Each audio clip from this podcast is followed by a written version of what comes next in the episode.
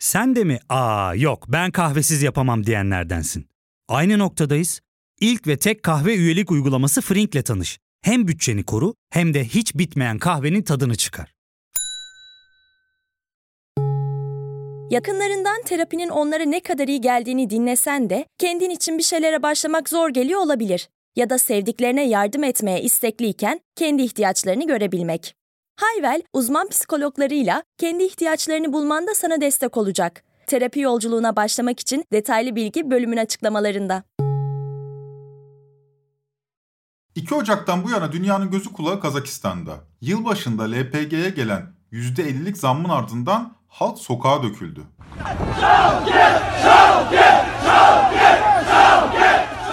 Eylemler kısa sürede kontrolden çıktı. 5 Ocak'ta hükümet Cumhurbaşkanı Kasım Cömert Togayev'e istifasını sundu. Aynı gün zamlar da geri çekildi. Ancak bunlar Nazarbayev'e dönük öfke seline dönüşen eylemleri durdurmaya yetmedi.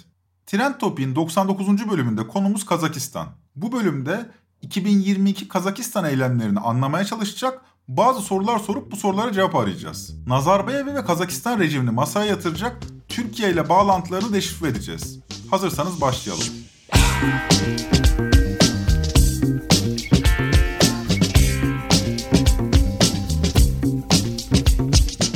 Kazakistan'da eylemler bir haftayı geride bıraktı. Son yılların en sert gösterilerinin bu ülkede yaşanması Kazakistan'ı yakın takip edenleri bile şaşırtıyor. Çünkü adeta Nazarbayev Cumhuriyeti haline dönüşmüş Kazakistan'da devlet mekanizması düzene son derece hakimdi. Ya da daha hakim bir görüntü veriyordu diyelim en azından. Mesela son seçimde Nazarbayev'in partisi Nur Oltan %71 oranında oy almıştı. Gösteriler Kazakistan'da şok etkisi yaratmış durumda. Çünkü uzun yıllardır buna benzer hareketler yaşanmıyordu bölgede. Hatta Cumhurbaşkanı Togayev bu bölüm yayınladığımız 10 Ocak 2022'yi ulusal yas ilan etti. Şimdi son bir haftada yaşadıklarımızı aslında sıcağı sıcağını takip ettik. Ancak bir durup Kazakistan'ı anlamaya fırsat bulamadık. Olaylar genellikle Türkiye'deki milliyetçi çevrelerin objektiflikten uzak yorumlarıyla servis edildi.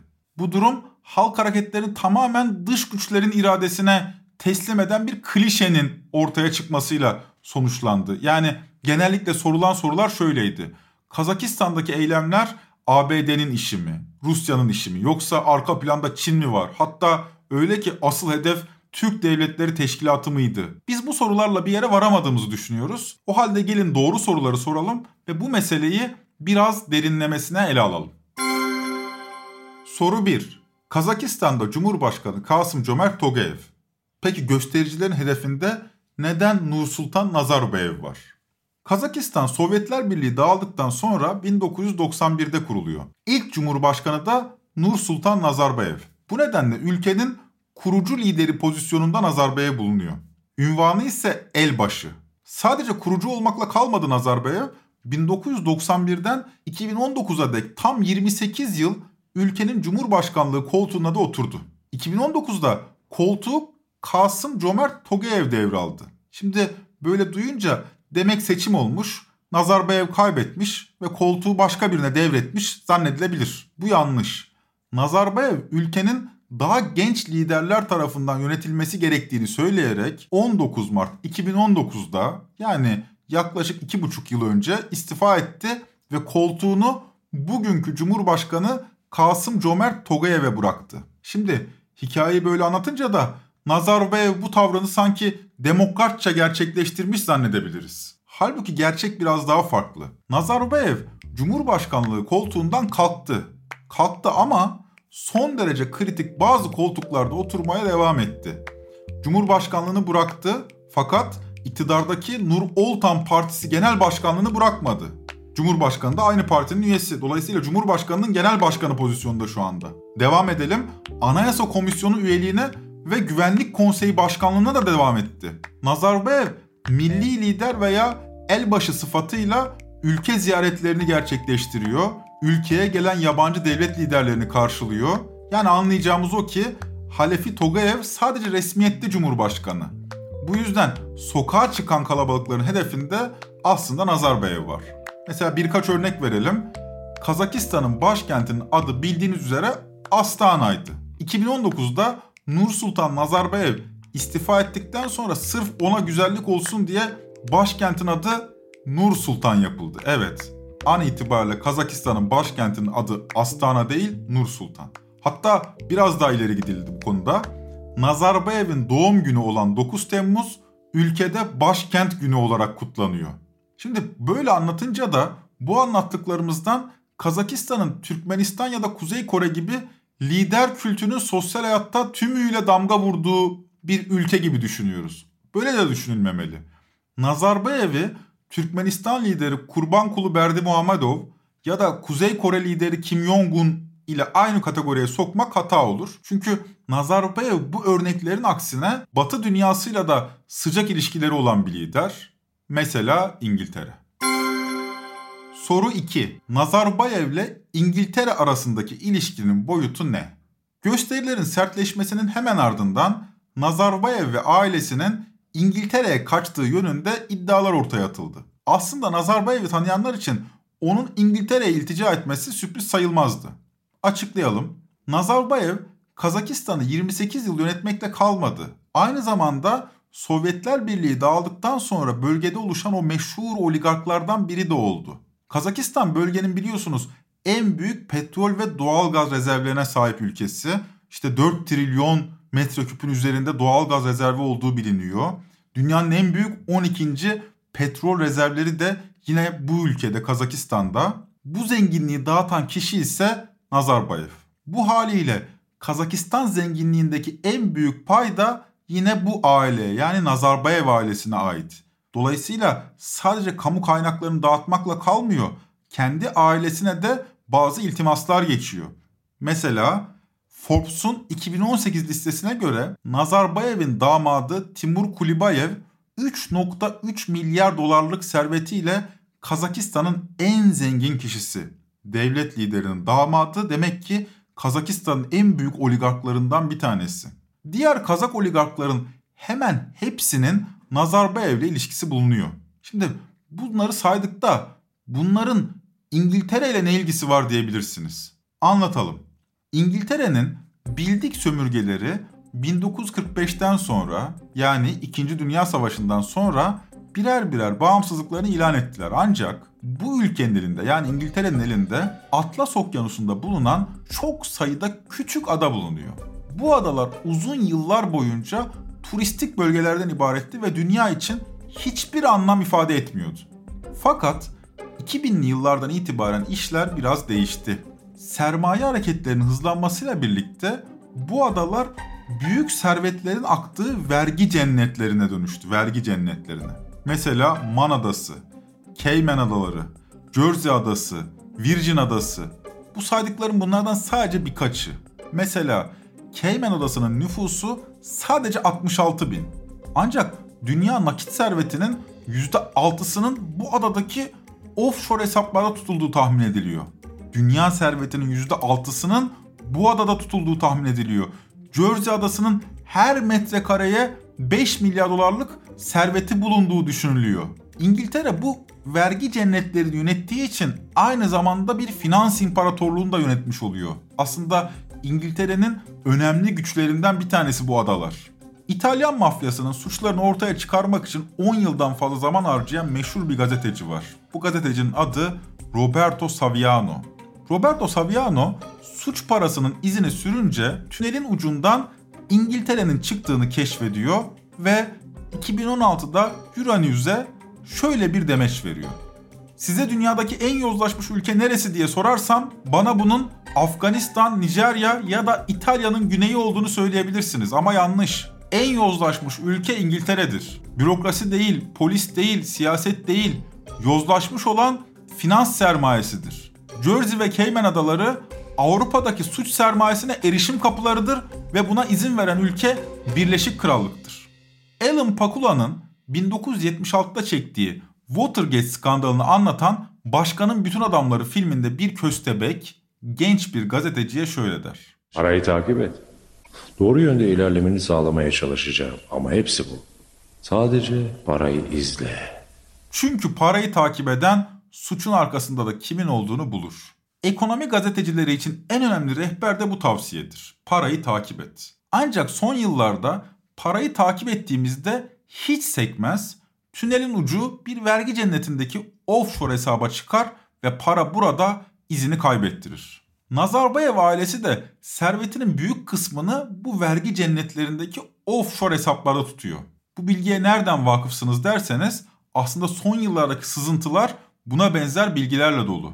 Mesela Panama Papers, Paradise Papers ve son olarak Pandora Papers. İngiliz düşünce kuruluşu Chatham House'un raporuna göre İngiltere'de Kazak oligarkların elinde 720 milyon dolar değerinde sadece gayrimenkul bulunuyor. Bu gayrimenkullerin 450 milyon dolarlık kısmı ise Nazarbayev'e ait. İngiltere İşçi Partisi milletvekili Margaret Hodge Open Demokrasi'ye verdiği mülakatta Kazak yönetici ailesinin Londra'da sahip olduğu mülkün kapsamı İngiltere'nin otoriter rejimin eylemlerinde nasıl rol oynadığını gösteriyor diyor.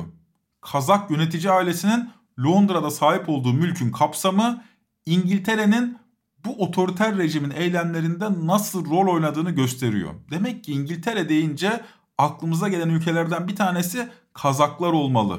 İngiltere'de yolsuzluk haberleriyle adını duyuran bir gazeteci Adam Ramsey.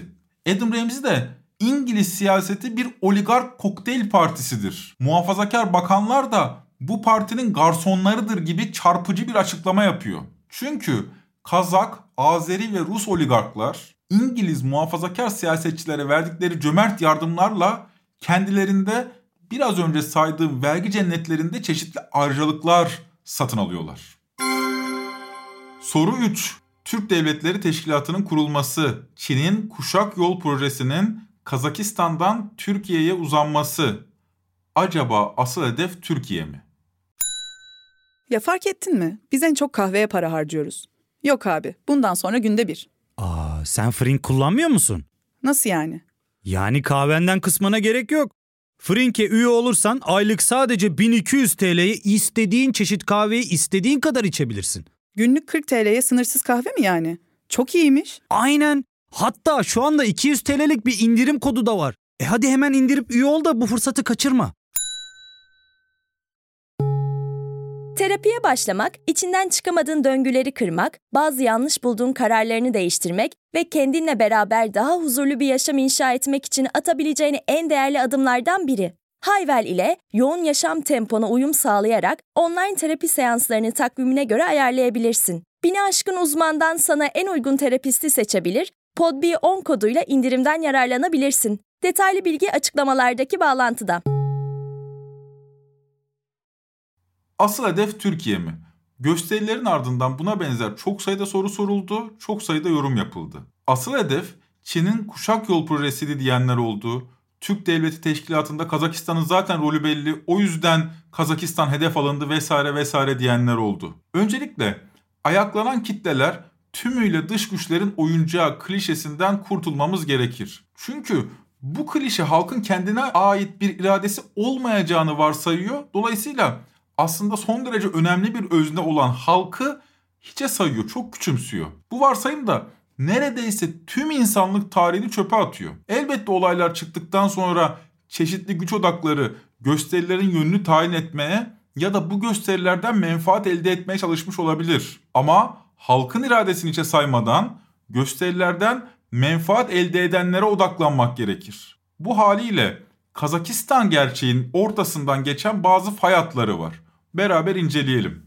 2018 itibariyle Çin, Kazakistan'ın en büyük ikinci ticaret ortağı haline geldi. Kazakistan, Çin'in büyük projesi kuşak ve yol girişiminin de önemli bir partneri. Dolayısıyla Kazakistan'da çıkan bir iç karışıklığın Çin'in rakibi pozisyonundaki ABD'nin işine yaradığını söylemek yanlış olmaz. Kazakistan'daki bir kaos Çin'in bu ülkeye yatırımlarını olumsuz etkileyecektir. Dolayısıyla kuşak ve yol girişimi de baltalanacaktır. ABD ve Çin arasındaki bu fay hattı bölgedeki dinamikleri derinden etkiliyor dolayısıyla. Zaten bu gerilim üzerine Rusya'nın başını çektiği kolektif güvenlik anlaşması örgütü Kazakistan'a bir barış gücü gönderdi.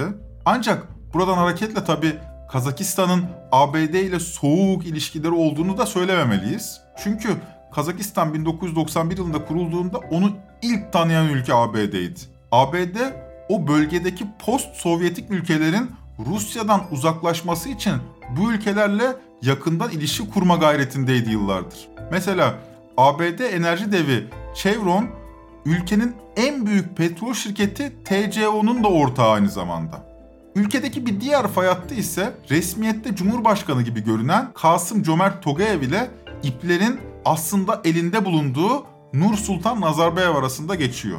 Gösterilerde öfkenin büyük ölçüde Nazarbayev'e yönelmesi Togayev'in gücünü arttırdığı bir gerçek. Birçok analist Cumhurbaşkanı Togayev'in gösterilere müdahale etmede başarısız olmasında bu gerçeğin payı olduğunu savunuyor. Yani aslında Nazarbayev'in güçsüzleşmesi Togayev'in güç kazanması anlamına geliyor. İşte bu ikili yapıda Kazakistan'daki bir diğer fay hattı.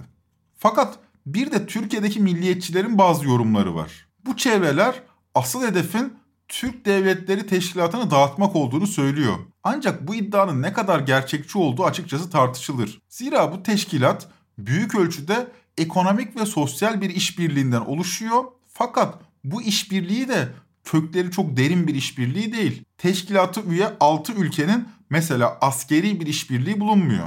Dolayısıyla Türk Devletleri Teşkilatı Kazakistan'a neden müdahale etmiyor yorumu yanlış bir yorum. Üstelik teşkilat yeni de sayılmaz. Evet, teşkilat 2019'da bu ismi aldı ama 1991'de Sovyetlerin dağılmasından bu yana bölgede benzer işbirlikleri zaten kurulmuştu. Hatta Türk Devletleri Teşkilatı da 2009'da Nahçıvan Anlaşması ile aslında kurulmuş. O dönemki adıyla Türk dili konuşan devletlerin işbirliği teşkilatı adını almıştı. İsmi daha sonra 2019'da değişti ve Türk Devletleri Teşkilatı oldu. Ancak tabi Türkiye'deki pan-Türkist Turancı çevrelerin bu teşkilata hak ettiğinden daha fazla değer verdiğini söylemek de yanlış olmaz.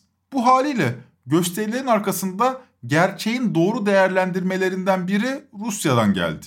Rusya Meclisi Başkan Yardımcısı ve aynı zamanda Rusya Dış İlişkiler Komisyonu üyesi Dimitri Novikov, birikmiş sosyal ve ekonomik sorunlar Kazakistan'da protestolara yol açtı. Yüzeyin altında olgunlaşan sıkıntılar büyük patlak verdi tespitini yapıyor. Dolayısıyla Kazakistan'ı en yakından takip eden bir ülkenin Dış İlişkiler Komisyonu üyesinin bu açıklamalarından sonra komplo teorilerine de fazla prim vermemek gerekiyor. Novikov'un sonrasında söyledikleri ise şunlar. Bunlar Batı tarafından kullanılabilir. Unutmayalım Kazakistan vatandaşları sosyoekonomik haklarına yönelik saldırılara tepki gösterdi. Bu bir gerçek. Evet demek ki Batı tarafından kullanılabilir. Ama Batı tarafından çıkarılmış değil diyor Novikov. Novikov'un şu sözleri de hali çarpıcı. Çoğu eski Sovyet ülkesinde sosyoekonomik politikaların gözden geçirilmesi gerekiyor. Gerçekten de Sovyetler dağıldıktan sonra bölgedeki post-Sovyetik hareket ülkelerin neredeyse tümünde oligarklar memleket yönetmeye başladı ve derin bir yoksulluk yaşanıyor. Gösteriler şimdilik soğumaya başladı. Ancak gelişmeleri hep birlikte takip edeceğiz çünkü bu tip bir ayaklanma kolay kolay unutulacağı benzemiyor. 99. bölümün böylece sonuna geldik. Trend Topi'yi Podbi Media ile beraber hazırlıyoruz. Bizi takip etmeye devam edin ve sağlıkla kalın.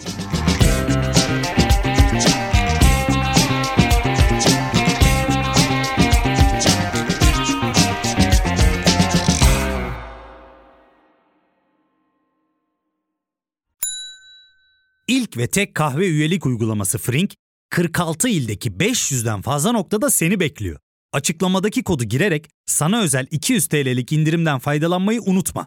Hadi sen de Frink üyeliğini başlat, kahven hiç bitmesin. Hem bugününe hem yarınına katacaklarıyla terapi yolculuğuna ve daha iyi hissetmeye bugün Hayvel ile başla. Açıklamadaki linkten Hayvel'i indir, ücretsiz tanışma görüşmelerinin ardından bütçene uygun seans paketini seç ve terapi yolculuğuna başla.